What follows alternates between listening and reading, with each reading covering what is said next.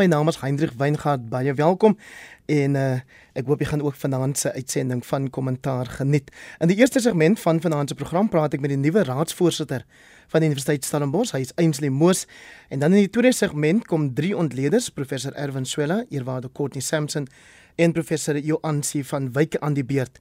Jy is natuurlik welkom om soos altyd saam te gesels deur vir ons uh, SMS te stuur na 45889 en dit kos jou R1.50 elk. Ek stel dan nog graag bekend my eerste gas vir die aand. Hy is Ainsley Moos. En soos ek nou net gesê het, is hy onlangs verkies as die nuwe voorsitter van die Universiteit Stellenbosch se raad. Hy het oorgeneem daar by George Steyn en uh, in sy dagtaak is hy 'n lid van die uitvoerende span van die finansiële diens, dienste maatskappy African Rainbow Capital. Eintlik goeienaand en baie welkom by Kommentaar. Goeienaand Hendrik en uh, ja, en baie dankie vir die geleentheid. Kom ek vra jou om net ter agtergrond jou betrokkeheid of liewer die agtergrond tot jou betrokkeheid by die Universiteit Stellenbosch te vir, um, vir ons kortliks op te som van jou studente daar af. O ja, seker. Ek was in uh, 1996 was ek eerste jaar. Ek het in 95 uh, gematrikuleer aan Bridgton Sekondêre Skool. Ehm uh, daar's op Oudtshoorn. Ek is 'n trotse boerling daar van Oudtshoorn en ek was in 96 eerste jaar ek het BA studeer en toe ek uh, so 'n bietjie uh 2 jaar nagraads gegaan en uh, ek het toe al neersgraad gevolg in journalistiek en uh, baie jare later toe ek nog 'n uh, werkende joernalis was het ek in hier rondom 2007 het ek ook 'n MBA gevolg aan universiteit en dit uh, by die universiteit se bestuurskool die Bellville Park kampus en in 2009 klaargemaak en sedert 2014 uh dien ek as uh, raadslid. In 2018 het die raad my ehm um, basis ingestem as die ondervoorsitter van die raad en uh vroeër vanjaar toe die huidige voorsitter George Steyn aandui. Hy gaan op die volgende vergadering van 2 September dit sy laaste vergadering wees uh het die soek begin na 'n nuwe voorsitter en uh, ja, en ek het my hand opgesteek en die proses is afgehandel. Ja, in kort. En hoe beskryf jy die Universiteit Stellenbosch as 'n tersiêre instelling vandag? Kyk, ek dink as een van die voorste uh, die tersiêre instellings in Suid-Afrika, maar ook in die wêreld, dit tel onder die top 1% van universiteite in die wêreld. So net om 'n bietjie van 'n breër 'n uh, prentjie te skets, daar is elke jaar min of meer so kom ons sê uh min of meer 30000 studente. Van die 30000 studente is 20000 voorgraads, omtrent so 10000 nagraads. Uh daar's elke jaar 5000 nuwe eerstejaars min of meer. Uh die universiteit het omtrent so 3500 werknemers. Uh en dis 'n besigheid of kom ek sê so dit is 'n instelling van enorme omvang. Jy weet die begroting waarmee ons werk uh uh um is minder of meer hier in die orde van 7 miljard rand per jaar. Einstein, hoe lyk en klink die raad wat jy nou lei? Kyk, ehm um, so ek is al soos ek genoem het Hendrik, ek is uh, sedert 2014 is ek 'n uh, raadslid. Ek beskou myself ook as 'n aktiewe raadslid. Met ander woorde, ek uh, ek lees my raadstukke en ek gaan voorberei na die vergadering toe. En weet mense net onthou dat uh, kyk die raad vergader so 4 maal jaar en dan uh doen die raad soos by enige private instelling en maatskappy waar jy net uh, basis as daar mos nou eintlik maar 'n tipe van 'n direksie is. Jy weet uh, doen jy jou werk deur komitees. So die raad doen sy werk deur komitees daar's verskeie komitees. Die mense neem goed deel. Ons uh is oortuig daarvan of ons dink of ons hoop ons bespreek al die belangrikste kwessies om die toekoms van die universiteit uh jy weet stewig te hou en goed uh, basis op die regte pad te hou. So so ja, so nee, ek dink ons uh, die universiteit word natuurlik onder leiding van professor Wim de Villiers en sy bestuurspan, weet uitstekend gelei. Ons het dit nou pas gesien die afgelope 2 jaar met die uitbreek van die pandemie uh en toe daar moes nuwe planne gemaak word om die akademiese program vol te hou. Jy weet, het ons het gesien met die die die kaliber mense wat daar werk by die universiteit Andries. Jy dan nou professor Wim de de Villiers verwys, geniet hy nog die volle steun van die raad? Absoluut, daar's geen twyfel daaroor nie. kyk ek dink ehm um, uh, ons het nou hierdie jaar in die onlangse verlede gesien, jy weet uh, in die veral in die Afrikaanse koerante en in die breër media uh, was daar nou baie bekommernis uitgespreek op 'n paar aspekte ehm um, waaronder taal en so voort. Maar ek dink 'n mens moet net nie uit die oog verlaat nie dat die universiteit uh, 'n so groot instelling, 'n so groot instansie, jy weet, taal is een aspek daarvan daar's verskeie ander ekspertise daar's 'n klomp ander aspekte wat aandag kry uh wat uh dit uh wat die raad die bestuur verantwoordbaar ensovoorts so in 'n netedop uh, professor Wim de Villiers geniet die volle steun van die Universiteit van Stellenbosch raad. En toe ek jou nou gevra het oor hoe die raad lyk en klink het ek eintlik bedoel of jy reken dat dit die diversiteit van die van die universiteitsgemeenskap behoorlik reflekteer. O ja, nee absoluut. Ehm um, so ehm um, so daar's omtrent 25 uh, raadslede.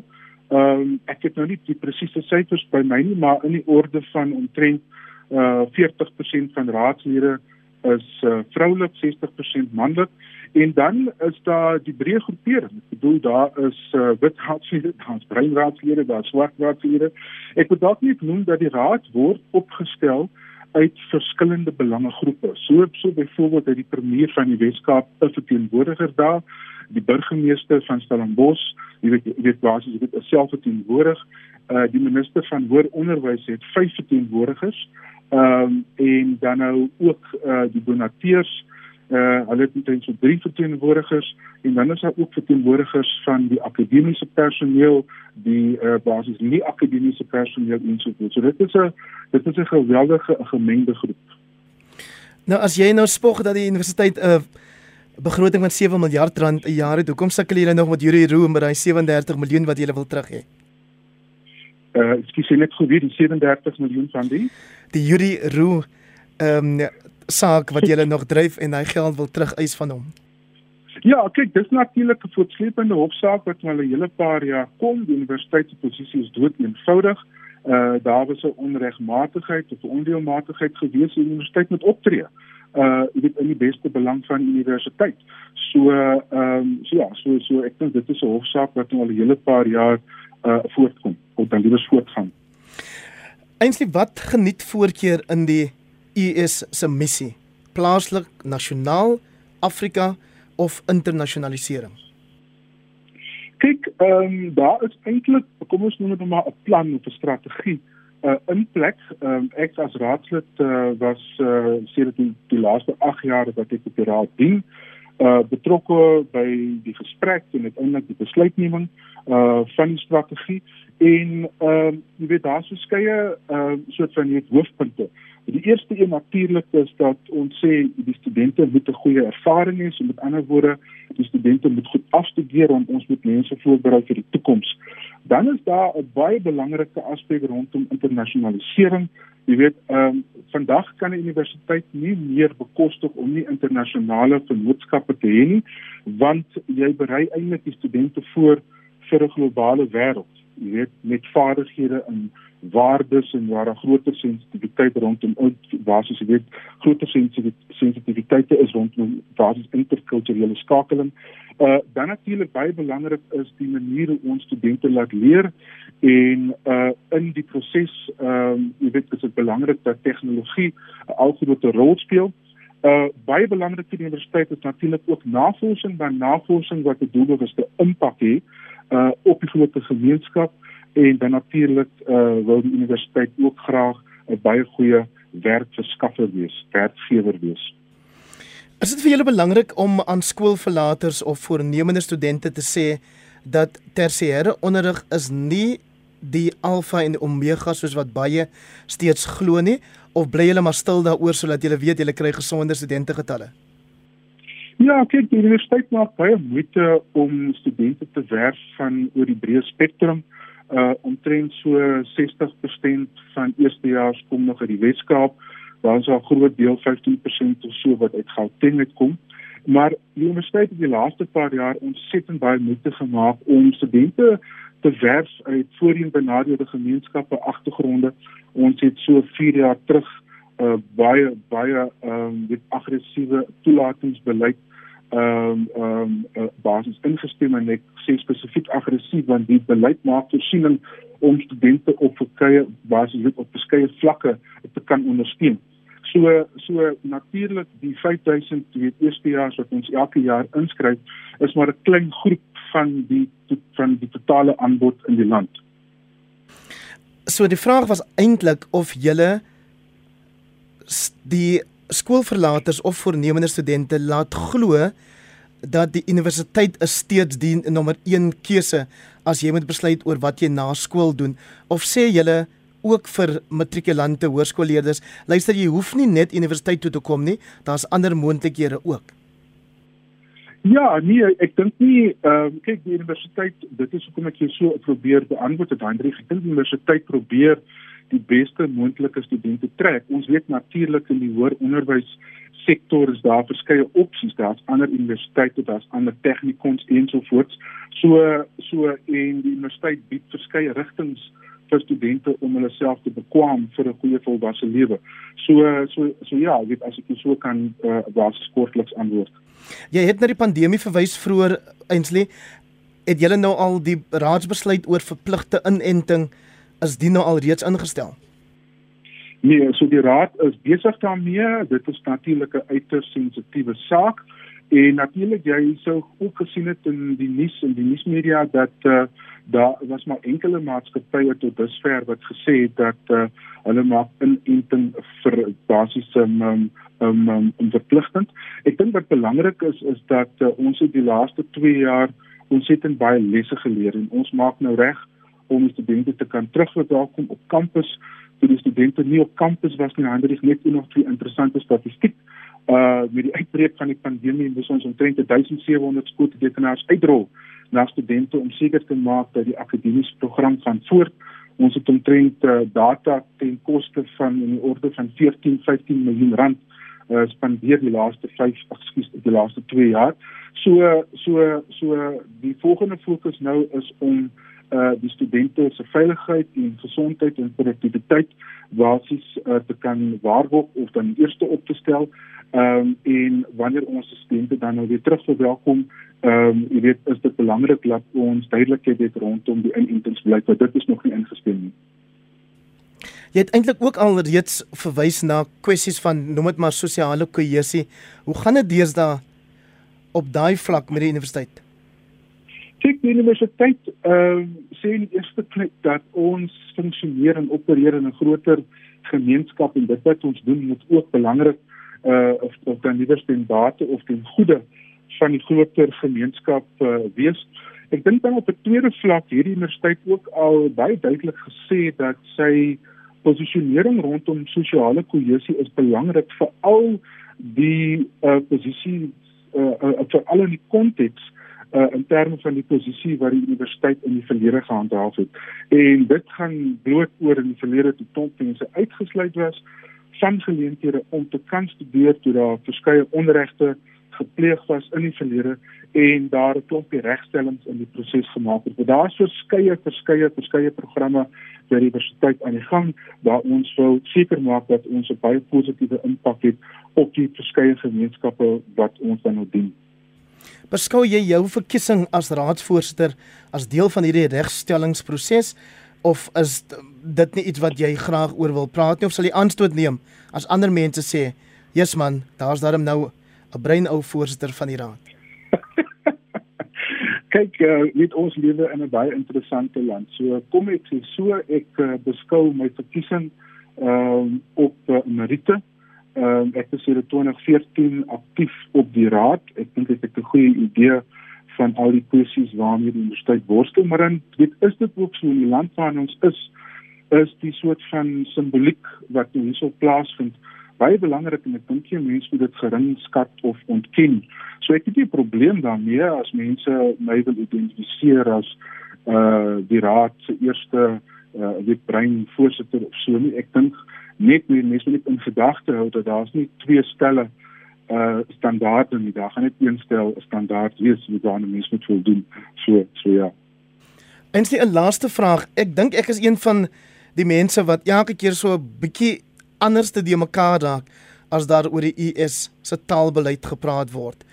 Goed. Aan die een kant hoor 'n mens jy weet wat die DA sê byvoorbeeld en studenteorganisasies soos so studente plein 'n mens ook hoor ook gereeld wat die dak netwerk onder leiding van Dani van van Wyk sê en dan staan ek en dan dan hoor 'n mens weer die universiteit self en direkteur professor Wim de Villiers sê nee nee nee nee Afrikaans het nog steeds sy plek. Verduidelik dit nogal vanaand vir ons op 'n een eenvoudige wyse.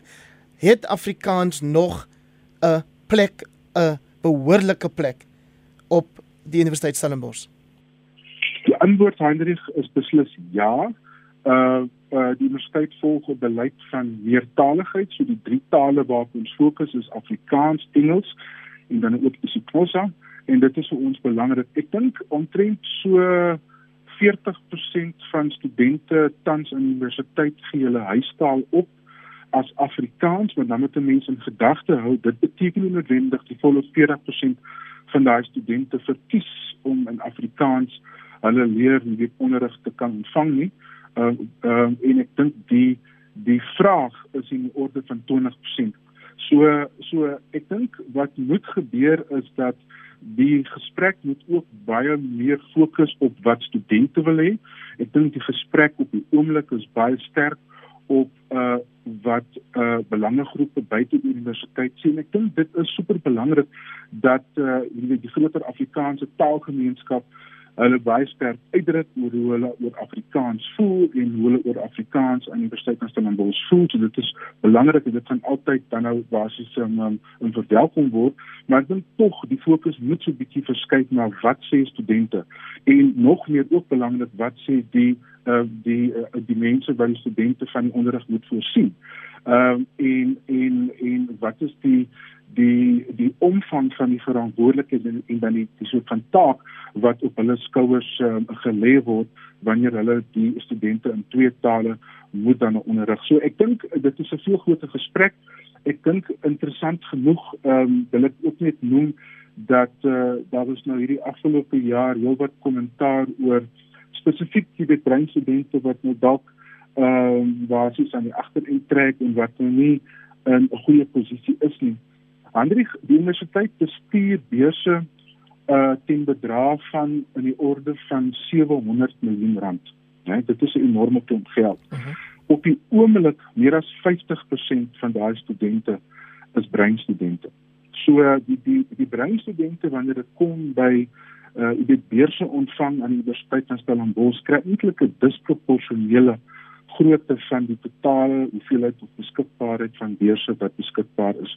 So en daar was ook baie mense wat gesê het dat jy weet uh, professor Van der Villiers ehm um, jy weet wat sou sy nalatenskap wees wanneer hy oor 4 jaar so klaar maak en ek dink uh, my gevoel is bietjie anders. Ek dink nie daar's vandag iemand wat meer vir die breinstudent doen as professor Van der Villiers aan jy weet en ek dink hom baie spesifiek doen ontsettend baie vir breinstudente spesifiek en natuurlik vir die, studente in die algemeen. So ek dink daar is verskeie invalshoeke wat 'n mens kan hê, maar om jou vraag in kort te beantwoord, Afrikaans is steeds belangrik vir die Universiteit van Stellenbosch. Einsie Moors, nuwe voorsteur van die Universiteit Stellenbosch se raad, baie dankie vir jou tyd vanaand en uh, baie sterkte met die taak wat jy op hande het. Baie dankie, Andreus. Ek stel nou graag my paneel bekend. Die is professor Ansie Joansie Jammer van Wyk, politieke ontleder en ook 'n dosent in politieke wetenskap en internasionale ehm um, sake verhoudinge daaraan Unisa. Joansie, baie welkom. Goeienaand Heinrich, baie dankie. Saam met haar eerwaarde Courtney Sampson voorheen die Wes-Kaapse verkiesingshoof en deesdae 'n onafhanklike kommentator naand ook aan jou Courtney. Goeienaand Heinrich. En dan professor Erwin Swela, hy's 'n kundige in publieke leierskap.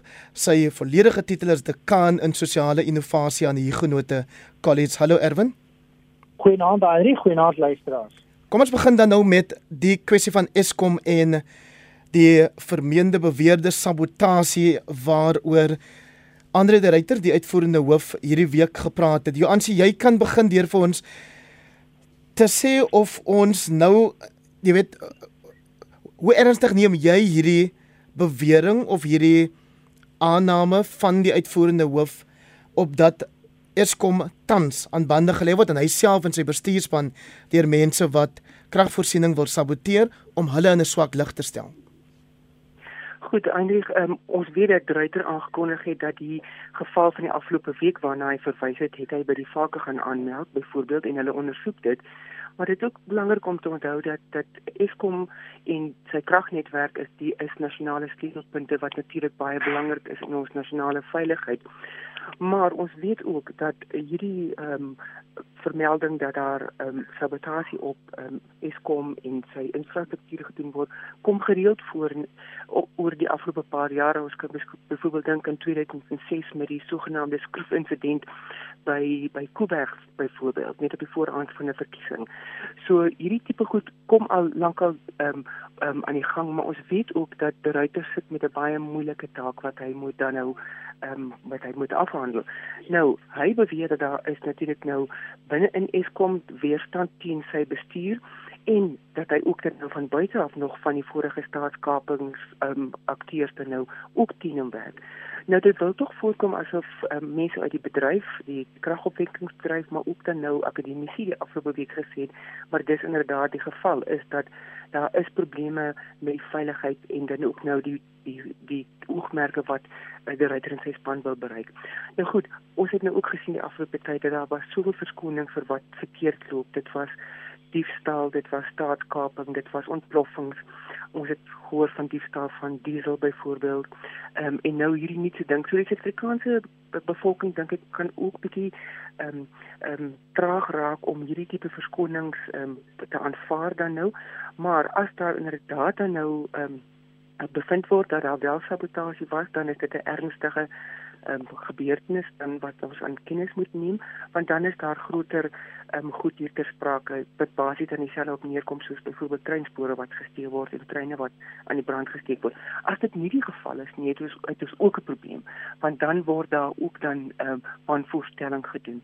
Maar die die groot probleem is dat Eskom is 'n geweldige groot moeilikheid um, by uh, het skuld van meer as 400 miljard rand en natuurlik die Suid-Afrikaanse bevolking wil gereelde krag hê.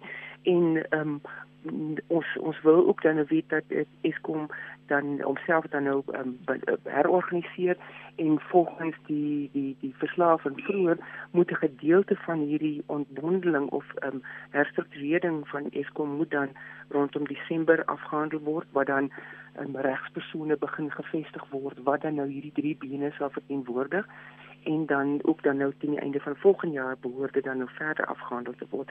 So al hierdie goed moet nou in ag geneem word en natuurlik bly die ruiter se se taak 'n baie moeilike taak, maar die Suid-Afrikaanse um, kragverbruiker wil natuurlik ook meer sien dat hier um, vordering gemaak word. Courtney Sampson, wat dink jy gaan hier aan? Ehm um, eintlik sabotasie is 'n baie baie groot woord en ehm um, is natuurlik moontlik dat sabotasie nou geruime tyd uh besig is om te gebeur binne Eskom.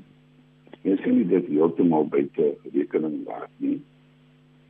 Ek dink dat wat belangrik is, die frustrasie wat hier neerbring kan natuurlik daartoe lei na baie politieke onstabiliteit. Uh, wat seker maar is een van die redes is hoekom mense so iets sal doen. Ehm um, ek dink dat van my kant af sal ek voel dat wanneer die ondersoeke gedoen word en die mense uh gekry word wat verantwoordelik is vir die sabotasie dat hulle as saboteurs ehm uh, behandel sal word en dat daar daadwerklike uh maniere gevind sal word om met hulle te werk en en en hulle te straf vir hierdie ding indien dit so is. Erwin Swela behalwe nou vir hierdie voorval die afgelope Woensdag by die Letaba kragstasie waarna Andre de Ruyter veral verwys het, is daar ook, ek wil amper sê die deurlopende probleme van diefstal van swak diensverskaffers en dis meer. Nou, Heinrich, eh, Eskom het diep diep sistemiese probleme van 'n uiters komplekse aard en sabotasie is eintlik uh wat my betref waarskynlik aangedui en 'n bietjie binne-inligting wat ek het is dit nie die eerste geval nie. Meneer De Ruyter met sy poging om op 'n manier uh, goed uh, versoening te hanteer, het eintlik onlangs nog gesê hy sien wel 'n klomp ander dinge maar nie sabotasie nie, maar hierdie het 'n bewyse van sabotasie en dan aannemings dat dit al voorheen plaasgevind het, maar hier's diep sistemiese probleme. In 'n sekere sin ehm um, is Eskom op verskillende maniere uitpas uit met bruikbare, relevante en nuttige ideologie en daar is ideologie hier, bestuurspraktyke en die energie vergelyking.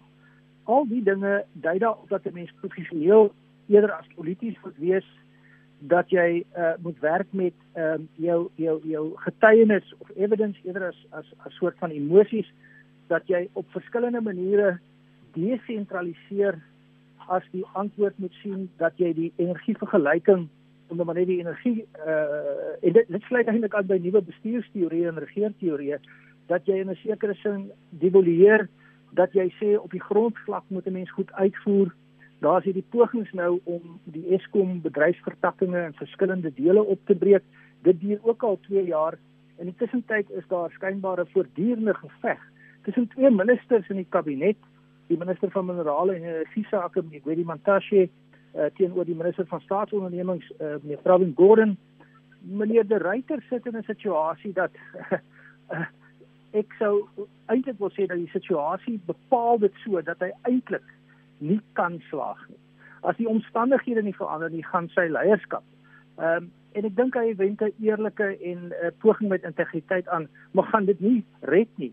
In 'n sekere sin as ek na Eskom kyk, dan voel ek dat die dat die naam van Eskom um, eintlik 'n versinnebeelding is, 'n simbolisering is van wel Eskom se hoofkantoor dan van wat hier aangaan die metafoor van 'n megawatt park wat my in 'n sekere sin ehm um, uh, verskriklik ongemaklik laat voel want dit gee so die idee van krag en mag en die uitspeel van politieke kragte tot die nadeel van ons almal. En die uiteindelike hiervan is is dat hier sit ons met 'n probleem, 'n diep sistemiese probleem met eksponensiële potensiële rampspoedige gevolge. In 'n sekere sin, ek praat dikwels van die woord toksies, maar hier is 'n heksebrousel waar Eskom uitpas is met wat behoort te gebeur in ons almal te belang in ons almal se belang. Joansie tot hoe mate dink jy het Andre de Ruyter dit tot nou reg gekry as ek nou Erwin se woorde kan gebruik om versoenend op te tree professioneel eerder as polities terwyl hy homself in hierdie toksiese omgewing bevind waar daar name soos Gwedi Mantashe, Pravin Gordhan en ook nou Enoch Godongwana ter sprake is.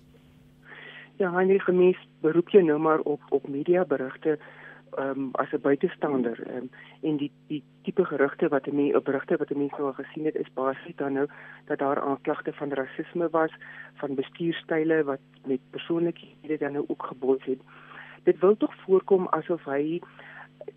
ten minste 'n hoër profiel in die media het. Wanneer hy dan nou self optree in die media is dat hy dan nou um, baie meer in terme van openbare betrekkinge van die organisasie dan nou beter voer dat hy self praat dat dit nie byvoorbeeld 'n woordvoerder is wat praat nie. En ek dink daarmee het hy alreeds baie vertroue ingeboesem. Maar nou ja hy hy is die boodskapper van 'n boodskap wat ons nie altyd wil wil hoor nie.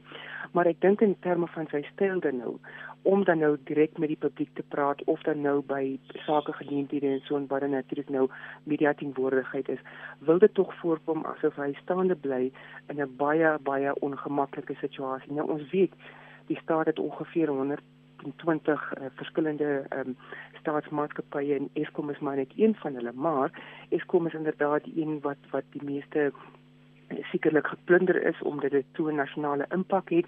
Dit is ons kragmonopolis natuurlik en ehm um, dit moet natuurlik ook nou die regering se boodskap probeer ver, verkoop of dan nou verteer versprei dan nou wat ons nou die afgelope uh, tyd die die ooreenkomste wat die regering gemaak het um, in Glasgow met die die klimaatonderhandelinge. So die ryter as 'n persoon ek ek dink hy het hy wel 'n vertroue inboesem, maar dit wil tog voorkom asof um, die bestuurspan moet ook af en toe saam met hom verskyn dat daar ook dan nou in terme van uit een mond gepraat word want dit wil voorkom asof daar te veel striwelinge ook binne die organisasie is. En hierdie tipe goed moet opgemaak word. Ons is as belastingbetalers almal aandeelhouers in hierdie maatskappy en ons is geregtig daarop om om daarop om te weet wat aangaan Kotnie jy weet seker die beste van ons vier wat dit verg om met politici te moet saamwerk. Dink jy Andre de Ruyter sukkel so bietjie daarmee omdat hy uit 'n korporatiewe agtergrond kom? Ja, ek dink dit het miskien deel van deel van die probleem geword dat hy nie reg weet hoe die politiek homself uitspeel nie. En dit hang natuurlik af na wie mens luister. Ek hoop reg dat eh uh, die reiter eh uh, is suksesvol. Eh uh, nie vir hom as persoon nie, maar vir Eskom as 'n instansie. Want die frustrasie van uh, elektrisiteitstoevoering, toevoeging, sulke goede is 'n baie groot frustrasie wat baie baie impak het. Weet ons natuurlik, almal van ons voel dit. Almal van ons ervaar dit. Maar wanneer die politici begin toetree tot hierdie goede, dan kan goed uh heerlik steek trek, maar dit is mos nou nie net nie. Dit is ons maar nou hoe Eskom al die jare al ehm um, in plek gesit was. Nie die politici verander en die manier hoe die politici dit goed bedryf, dit verander. So ek dink dat iewers langs die pad, ehm uh, as jy sê bestuurspan by mekaar sit, so hulle ook iewers uh, moet begin werk aan sy verhouding met die politici. Ek dink een van die dinge wat hy baie goed reg kry, volgens my, mening, is die kommunikasie. Hy praat meer gereeld en hy verduidelik goed aan mense en so aan. En dis natuurlik 'n baie positiewe skuif. So ek hoop eintlik dat hy hy suksesvol is. Maar ek dink hy moet nie naïef wees oor die rol wat die politiek speel. Ek dink hy sou baie meer werk moet insit om sy verhouding met die politici reg te kry en oor die verskillende politieke politieke uh, spektrum uh nou spektra moet hy uh, meer werk insit sodat hulle kan saam beweeg in dieselfde rigting. Dit baat nie hy probeer om vir Eskom ehm um, reg te maak asof dit 'n eiland is binne in die groter komplekse kompleksiteit van ons Suid-Afrikaanse politieke samelewing. Erwin en dan hoor ons Andre de Ruyter sê vir ons daar's juis die politici wat heel duidelik sy voorgangers gedwing het, my eie woord, om beerdkrag te vermy deur uiteindelik instandhouding agterweë te laat. Hy doen dit anders. Oh. Hy kyk na instandhouding en daarom raak beerdkrag soms noodsaaklik. En daarvoor word hy nou deur iemand soos die minister van finansies Godongwana gekritiseer. Die Eskom politieke inmenging en probleme begin eintlik al in die tweede termyn van uh, oud president Thabo Mbeki. Daar was toe 'n uh, tegniese verslag, uh, goed beredeneerde ehm um, tegnologiese verslag wat gesê het dat daar behoort 'n herbelegging te wees in in al die infrastruktuur van van Eskom. Ehm um, en dat eintlik stadig maar seker die die oorgange bestuur moet word om te verseker dat die groter vraag wat 'n mens kon verwag onder demokratisering gedien kan word. Ehm um, en dit is gewoon geïgnoreer. Uh, daarna was daar 'n uh, 'n uh, 'n krisis en skielik uh, word Kusile en Modepi met Dupi ge, gebou ehm uh, eintlik in 'n sekere sin relatief onbeplant en die uitvoering van die betrokke taak uh is is is is weer eens rampspoedig. Uh die begrotings word uh met ten minste twee keer oorskry en elke nou en dan is daar 'n ontploffing uh, wat wat sê die die die die steenkoolkragstasies werk nie. In die tussentyd uh ehm uh, kom meneer De Ruyter na jarelange uh korrupsie en die uithol van die instelling ehm um, in en en ek dink hy plaas homself op 'n baie groot risiko met die idee dat eh, dat die president, dis president Cyril Ramaphosa hom sal ondersteun en president Ramaphosa ondersteun hom tot 'n groot mate onder die omstandighede waar hy al aangekla was van rasisme en 'n verskeidenheid ander kwessies. Ehm um, terselfdertyd sal mense nou verwag dat as daar spanning is tussen die twee lede van die kabinet van meneer Ramaphosa, dit is meneer Gordhan en meneer Mantashe, sou mense eintlik verwag dat meneer Ramaphosa nie sê julle twee moet op een of ander manier tot 'n vergelyk kom nie dat hy tog wel sy voet neersit en sê man hier is nou die riglyn. Julle sal so optree. Dit gebeur nou ook nie. En dan laastens op al die vlakke um, en weer eens dis dit ons dis nie net 'n bestuursprobleem nie. Dis ook nie net 'n energieprobleem nie. Dit is eintlik 'n kombinasie van probleme wat wat saamwerk om a, om 'n kompleksiteit te skep wat in Engels genoem word 'n wicked problem Laastens het meneer uh, De Ruyter nou 'n klomp prosesse in plek om te verseker dat korrupsie nie kan plaasvind nie. Dit gaan in die heel tegniese aspekte van voorsieningskettingsbestuur in. Dit wil sê hoe kry jy nou die rotor bestel as jy hom nou nie deur Chancellor Huys bestel kry waar daar uiteindelik 'n korrupte kontrak is nie. Nou moet jy aan 'n klomp goed voldoen. En daai voldoeningsvereistes wat opgestel is om korrupsie aan bande te lê, maak die verkrygingsproses byna onmoontlik. Dit vat jou uh 6 maande om die rotor te kry, byvoorbeeld, by wyse van spreek. Ek het nou nie presiese feite nie. So al die dinge maak dit byna onmoontlik om te presteer. Ehm um, en en en die sameloop van omstandighede maak dit uh, ek weet nie hoe lank meneer De Ruyter hierdie soort van uh, byna ehm um, alwerse omstandighede um, moet moet verdra nie. Ek, ek dink ons uh, kan verwag dat ek dink die meeste ander mense solank al gesê het maar dis nie meer die moeite werd nie. En as meneer De Ruyter gaan, wat het ons dan? Dan het ons 'n visbak wat toksies is en ons vervanger vis, daar gaan 'n nuwe leier inkom. Ons gaan later miskien praat oor die polisie, dis maar dieselfde verskynsel. Maar die die die die die, die water is toksies. Uh, en die nuwe leier gaan ook nie 'n verskil maak nie. Iemand sal hier regtig moet begin optree op 'n op 'n manier wat wys dat hier is rigting en ons gaan hierdie soort van uh waansin of onsin net nie meer verder dalk nie. Joansie, so kort as moontlik antwoord van jou kant af. Daar's 'n ander S-woord wat Andre de Ruyter gebruik, die is staatskaping. Hy sê aan Hanley Retief in rapport vandag na 10 jaar van staatskaping het Eskom 'n mate van aangeleerde hulpeloosheid leer bereik om die organisasie dan weer aan te wakker vir baie energie en tyd. Ja, dit is inderdaad die geval. Ek dink daar is so van prosesse wat nou al soort van ingebed is in die organisasie en dit is die manier hoe dit gedoen is en nou is daar skielik nuwe prosesse wat vereis word om dan nou hierdie ding op te los maar ons um, moet ook met 'n slag sien dat daar opgetree word teen die individu wat daar daarbey betrokke was ek dink dit kan ook al klaar vir die gewone verbruiker maar ook dan nou vir die leierskap van Eskom ook dan nou boodskap gee maar goed hier is ten minste al vordering hiermee gemaak en ek dink ook die staatskaping het so ingebedde kultuur geraak wat nou deel van hierdie proses is um, en van die die die die geveg is wat 'n ruiter nou binne in hom in sy organisasie moet beveg. So ek ek is seker dat dit nog geland daar gaan word en dat dat dit 'n skoonmaakproses is wat baie weerstand um, gaan gaan gaan um, tot gevolg hê.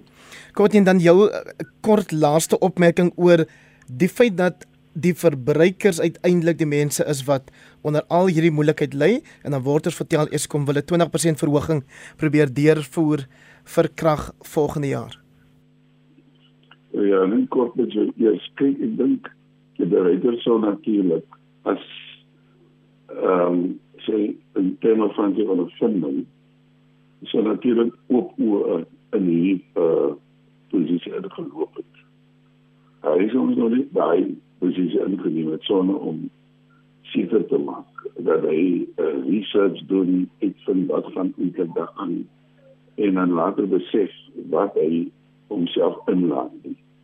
So hier wil ek kom ek sê dat nie vir die leiter soveel nie maar vir ons as Suid-Afrikaners hoop ek dat die instansie werk. Ek dink daar moet hopelik baie baie meer werk ingesit word. Ehm um, in die werk van die politici wat betrokke is by die goed en die verhouding tussen Eskom en die politici en ek dink ook die tweede ding wat ek ook gesê het is dat ons moet begin sien dat mense wat uh, hulle skuldig gemaak het aan stelery ehm um, moet aan die pen ry. En dit sê dat die gebeur nie. Van ons maar nog net met hierdie probleem opgesteek sit. Ehm um, die mense wat uh, as dit sabotasie is wat verantwoordelik is daarvoor moet al die penry en mense wat skuldig uh, was aan staatskaping moet ook nou begin aan die penry weet. Ek dink nie ons kan altyd net daaroor praat en verwysings maak daarna. Dit gaan nie uh, die elektrisiteitskrisis uh, oplos nie Die stem van eerwaarde Courtney Sampson wat vanaand deel van die kommentaar paneel uitmaak saam met eer saam met professor Erwin Swela wil ek jou ook sommer nou eerwaarde maak. dit sal eer wees. Dit sal eer wees. En professor Joansi. nou goed. En professor Joansi van Wyk. Erwin, ek gaan jou geleentheid gee om eers te praat oor wat jy reken die afgelope afgelope kwartaal se misdaadstatistieke vir ons vertel van misdaad in Suid-Afrika vandag? Wel dit vertel vir ons minder as wat die werklikheid is. Uh daar is oor baie jare ehm um, binne die polisie met wie ek op 'n stadium uh, tydens die oorgang baie saamgewerk het en uh betrokke was by die opleiding van die eerste groep polisie generaals na demokrasie. Dit was die George Five span en daarna 'n klomp ander. Daar was altyd nog probleme met met met misdaadstatistiek wat nie 'n werklike betroubare beeld is van die uh, van die werklikheid nie. Ehm um, daar word gepraat van die ysberg verskynsel wat jy op die bokant sien is eintlik uh veel minder as wat onder aan die gang is. Uh daar's daar's 'n klomp versteekte tendense. Maar goed, kom ons neem nou wat daar is. Uh, in alle opsigte is daar kommerwekkende stygings in misdaad. Tot die mate sodat mense sê ons het eintlik die stryd teen misdaad verloor. En vir baie jare was daar ook in die polisie die die die sogenaamde oorlog, the war against crime, maar dit het blykbaar nie gewen nie. Uh so da, daar's 'n ondertelling van die statistiek. Tweedens is die tendense sodat dit uh aandui dat die dat, dat die tendense eintlik erger raak. Met ander woorde ons die mense gaan ook soos onder Eskom weer onder lê. Derdens is daar hier en daar tekens van uitskieters, nê? Ons ons sien dat in die Weskaap van 'n baie hoë basis het is daar klein dalings in die in, in die misdaadstatistiek, ehm um, ook nie in alle gevalle nie. En dan natuurlik as ons al hierdie dinge bekyk, dan sien ons hierdie tendense oor medium en langtermyn dat dit nie beter gaan nie, maar slegter. En dan word die vraag maar net hoekom gebeur dit?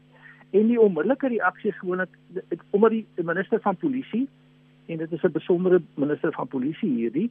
Ehm um, omdat hy die aankondiging doen, is die eerste fokus dan op die polisie en hier is ernstige probleme met die polisie.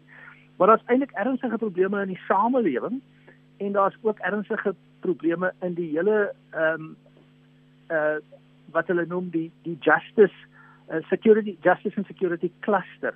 Dit wil sê daai daai klomp staatsinstellings uh, wat hiermee werk. En as ons nie weer eens hierdie ding oor die oorsake gaan soek nie.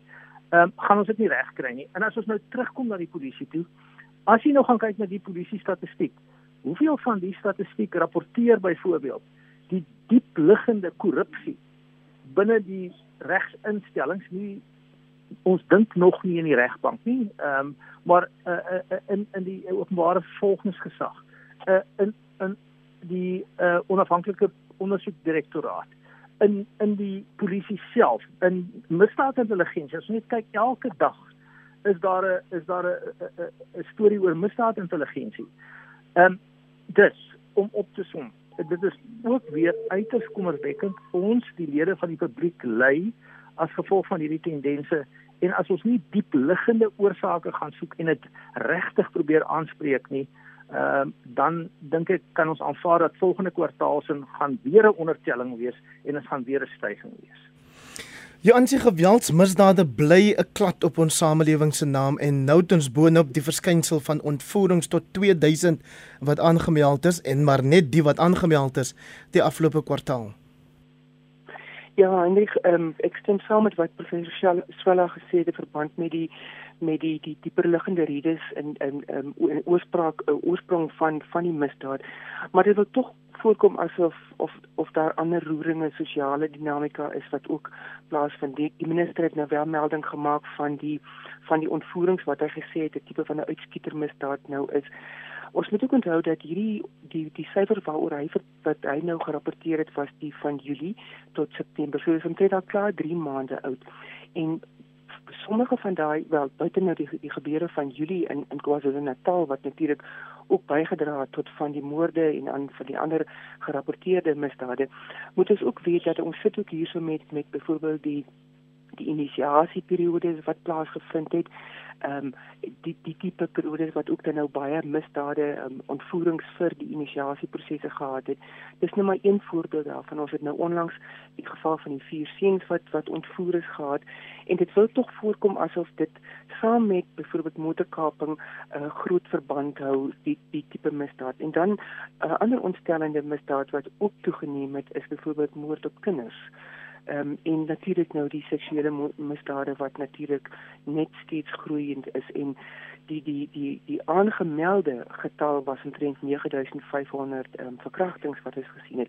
Maar ons weet ook dat dit is 'n uh, onder um, gerapporteerde ehm um, misdaad maar net so skokkend was natuurlik ook die feit dat daar omtrent 75000 aanrandings was. Ehm um, en weer eens dit is maar net die die oë van die renoster of van die siko hierdie. So ons samelewing is is een wat deur geweldige ehm um, prosesse en en veranderings gaan en natuurlik die die onsekerhede en die die ehm um, die gapings wat bestaan en vererger word as gevolg van die pandemie en die ekonomiese gevolge daarvan gaan net toeneem. Nou goed, dan sit ons met die debat, kan 'n mens sê dat dat armoede en en en misdaad met met met ehm um, mekaar verband hou? Sekerlik nie. Maar ek dink die feit dat ons met 'n regering sit waar daar geweldige ingebed uh, misdaad is waarna professor Swalle ook verwys het. Dit is asof dit soort van uh, goedgekeurde optrede word. Um, in in die samelewing dit eintlik maar net weerspieël. Kortnie in eh, die meeste van hierdie misdaad vind meestal plaas in gebiede waar ons vier wat vanaand praat ek wanneer ek in Johannesburg is nie woon nie. Jou reaksie daarop? Ja, ek dink die sosio sosiale patologie wat ons baie van die gemeenskappe kry word nie aangespreek nie. En dan is daar wanorde, ongedisiplineerdheid. Die plekke is onnet en vuil en daar gaan niks aan in terme van die plekke uh, regtig nie. Maar ek wil ook byvoeg dat ehm um, vir geweld is so deel afgelope 300 jaar al deel van ons samelewing en dit is tog nog altyd vir ons uh vir my as 'n persoon teleurstellend elke keer as ek nou hierdie ehm um, ehm um, hoor dat dit nog weer hoor gegaan het hier en hoor daar en so maar hang af waar 'n mens jouself bevind nou, voordat jy weet dat hoe hierdie geweld homself uitspeel die gewelddadigheid ehm um, wat ek van praat oor 300 jaar is gewelddadigheid wat van staat afgekom het. Dit gewelddadigheid van bendes binne in uh, baie van die gemeenskappe waar daar sosiale patologie is. Dit is die geweld binne huise van mans wat vroue doodmaak of mans wat hulle uh, die uh, uh, partners doodmaak en so aan. Ehm um, dis kinders wat ouers doodmaak. Is dit is 'n soort van gewelddadigheid wat dit lyk my ons nie ontslaaf van kan raak nie. En ek dink dat aan tensy ons begin baie ernstiger kyk na die sosio-sosiale patologie wat ons self uitspeel van kinders wat kinders kry ons nou die dag gelees byvoorbeeld van wat is dit sê so 88 persone wat mense kinders 19 jaar oud ja. wat babas kry. Nou, so samelewing kan nie by mekaar hou nie. Uh daar is vir my 'n onteenseglike ehm um, uh, uh konneksie tussen armoede en geweld in in in terme van die gemeenskappe waar ek al bedien het en gesien het en gesien het onder wat omstandighede mense onder moet leef en in moet woon. Uh mense uh respekteer nie mekaar um, se menslikheid nie, se menswaardigheid nie. En ek dink dat uh, daar se kom goed dat dit mekaar het, maar ek wil ook byvoeg dat die so dramas op homself in polisie ehm um, afspeel. Ehm um, magsposisies ek is baie ontstel oor die manier hoe Jeremy Vieri byvoorbeeld uh behandel word en behandel was uh, en nie net by die polisie self nie, ook hier in die regerende party in die Weskaap uh vir politieke redes. Uh, het hy ook probleme opgetel en dit is een van die beste so as dit volgens my kennis. So dit sê ons nie die beste mense gaan kry om hierdie probleme aan te spreek wat die die die die sosiale patologie verstaan wat aanleiding gee tot hierdie geweld uh misdade die bendes, jy weet, die gender-based violence, al daai goed wat daarmee gepaard gaan, kinders wat mekaar met messe steek by skole en so aan. Jy weet dit is daai heel geheel beeld wat ons nodig het om na te kyk in steede daarvan om te sit en tel oor moorde en goeie soos daai. En daai is belangrik want dit is belangrik vir ons om te weet waar ons is, maar en sê ons nie ehm um, 'n dieper kyk neem 'n gereeld uh, meer dieper kyk na waar ons dan kom en wat dit is waarmee ons te doen het nie, gaan ons die probleme kan oplos nie. Ek wou gehad het ons moet nog praat oor die Amerikaanse minister van buitelandse sake Anthony Blinken se besoek aan Afrika, maar ek dink Erwin en Joansi, kom ons gaan vir die volgende 6 minute wat ons nog oor het, maar voort met hierdie kwessie van van misdaad in Suid-Afrika en ek wonder of jy dink Erwin as polisieering eerder 'n provinsiale funksie of selfs verder afgewentel word na 'n plaaslike funksie, gemeenskapsfunksie of dit ons sal help in die stryd teen misdaad. Ek is uh, in wese 'n voorstander van groter desentralisasie, maar dit moet natuurlik gepaard gaan met die nodige bevoegdhede binne die sfeer van regering en binne die vlak van regering.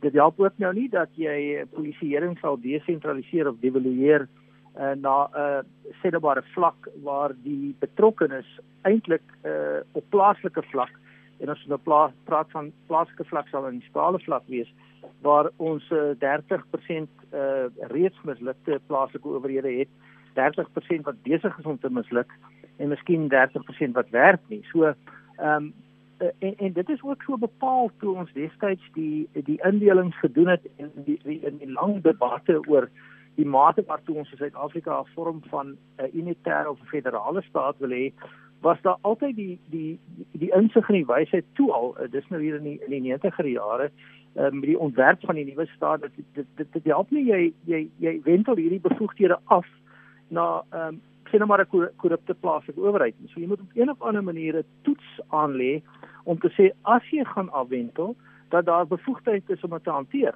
En dit skep dan gewoonlik diferensiasie en dit word polities ongemaklik. Want as jy nou sê dat jy op hierdie diferensiële basis nie diskriminerende basis nie want daar's 'n rede hoekom jy dan aanwendel maar daar's bevoegdheid dit doen. En dit blyk dat 'n uh, bepaalde sien nou maar uh plaaslike owerhede wat uh bepaalde politieke partye in beheer het dit dit beter doen as ander dan word dit weer 'n politieke kwessie so in Suid-Afrika kom jy nie weg van die verpolitiseerde aard van byna enigiets nie, maar veral ook nie van die die makro-organisering van regerings eh uh, funksies in terme van vertikaal en horisontale diferensiasie nie. Ek dink 'n beginsel behoort ons meer af te wentel. Ehm um, ek dink uh, ek is bekommerd dat uh, dat jy eintlik 'n vorm van afwenteling nou het en dit noem ons vigilantisme, nê. Nee want as mense sien dat die dat die plaaslike polisie instelling nie uh, die die die die werk gedoen kry nie, dan neem hulle doodgewoon oor in hulle in hulle neem reg in hulle eie hande. Want daar's 'n daar's 'n vakuum daar. Dit kan ons nooit toelaat nie. En om af te wentel in onbevoegde hande kan ons ook nie toelaat nie. So ons hulle gesofistikeerde beleidsinstrument moet kry wat skerper is as as die as die stomp instrumente wat ons gewoonlik het en sê ons wentel af waar dit waar dit waar dit goed gedoen kan word. So dis 'n relatief tegniese antwoord, maar dit is ongelukkig ook nie net daar's nie 'n een eenvoudige antwoord hier nie. Jy aansien so wat ons nie wil hê nie is dat gemeenskappe eie reg moet gebruik of die vigilantisme waarna Erwin nou verwys het nie. Wat sou dan nou 'n meer rasionele, meer kan ek maar sê wetlike manier wees vir gemeenskappe om te help in die rol van misdaadbestryding? Ja, ehm um, Heinrich ons het ons het reeds die die meganisme van gemeenskapspolisieeringsforums waar gewone burgers kan betrokke raak. Nou goed, ons sit met 'n situasie in ons land waar ons het nou in hierdie periode waar tydens die misdaad ehm um, die die statistiek nou na verwys het ons die weermag ontplooi gehad byvoorbeeld met um, operasie Prosper wat nou samehang met die met die die die pandemie en so aan. En natuurlik die ontplooiing dan ook of die situasie rondom wat Julie maand gebeur het. Maar ons ons weet dan ook dat dat ons ons moet ook in ons land sien dat daar gevolge vir misdaad is En in hierdie stadium is is is misdaad in watter vorm dan nou ook al is is geweldige ehm um, dis 'n manier om om om baie geld te maak. En ons moet dan ook 'n alternatief skep vir misdaad. Ehm um, 'n eenvoudige ding soos soos om skole te laat werk. Ons weet nou dat daar 'n groot probleem was met met met um, skoolganery ehm um, maar dan nou as gevolg oh, ja as gevolg van die pandemie maar ons sien ook dat binne binne binne huishoudings is daar ook probleme. So vir my is die misdaadsyfer enerzijds dan 'n weerspieëling van die die sistemiese probleme binne die polisie, binne die staat, want onthou die ministerie van polisie is maar een rad wat draai. Ehm um, binne die die die groter wiel van die regering. Maar dan ook die samelewing se se verantwoordelikheid hierdie misdadigers beweeg tussen ons. Ehm um, hulle is deel van van van netwerke wat ons miskien van weet, die goed wat hulle steel kom huis toe, mense ry met blink voertuie wat ja. ook al. So ek dink dit is ook 'n 'n 'n vingerwysing vir die samelewing natuurlik. Nie net die feit dat die dat die die staat faal in sy polisieeringsfunksies nie, maar ook dat ons as burgers kan faal. En die die vir my mynsinsiens is die oplossing is dat die gemeenskap sal éventueel die alternatief moet skep. Nou, dan die die tipe vigilantisme waarna jy verwys is seker sekerlik nie die oplossing nie. Maar um, ek het dit al voorheen genoem is dat ons moet besinning in hierdie land hê oor wat dit is um, om 'n burger te wees en om dan die die die maatskaplike kontrak in terme van die handves van verantwoordelikhede eerder as regte dan te kan uitleef. Kotnie, as ek vir jou die laaste minuut van die program gee om vir ons te sê hoe het ons by hierdie punt beland waar jy dink wels in gemeenskappe waarmee jy baie goed vertroud is, die geval het waar mense dikwels daai einste misdadigers beskerm. Dan mense so menswaardigheid is afge, afgekraak, hulle um, menslikheid is uh, baie baie ehm um, sleg aangeval En ek dink dit is moeilik vir mense om iets dieper. Ek dink hulle dit lyk amper asof hulle beweeg aan die sykant van die samelewing. Voel nie regtig deel van die samelewing. Ek en Erwin was in 'n in 'n konferensie saam uh, laas week. Ehm um, is dan daar was dit baie goeie inset gehad van Quentin Adams waar hy gepraat het van die reuk van armoede. Jy weet die impak wat dit het op mense se lewens ehm uh, dit is een punt wat ek wil maak is hoe mense mekaar uh aan uh, aankyk en sien en hoe hulle met mekaar ervaar. Dan is daar natuurlik die groot probleem van georganiseerde misdaad. Ehm um, wat hier ehm uh, um, dwelms ehm um, dwelmverslawing en so voort ehm uh, bestuur word en dan ons kinders wat betrokke raak in hierdie dwelms en nie die die die die die die manier hoe dwelms versprei word in baie van die gemeenskappe is ongelooflik. Ehm uh, maar ons is nie besig om te werk daaraan nie. Ons het drie sfere van regering vir 'n goeie rede. Sal... En dit is dat hulle moet saamwerk om hierdie goede te te probeer en ons politieke partye moet op mekaar aan te val Goed. in sulke belangrike goede. Courtney baie baie dankie. Jammer dat ek jou nou daar moes kort knip aan die einde. Eerwaarde Courtney Sampson, 'n onafhanklike kommentator wat vanaand saam met professor Joansi van Wyk van Unisa en professor Erwin Swela van die Huguenot College College my gaste was baie dankie aan julle drie en baie dankie ook aan Ainsley Moos van die Universiteit Stellenbosch se raad, nuwe voorsteur daar wat vanaand saamgesels het. Van my Hendrik groetnis tot volgende keer.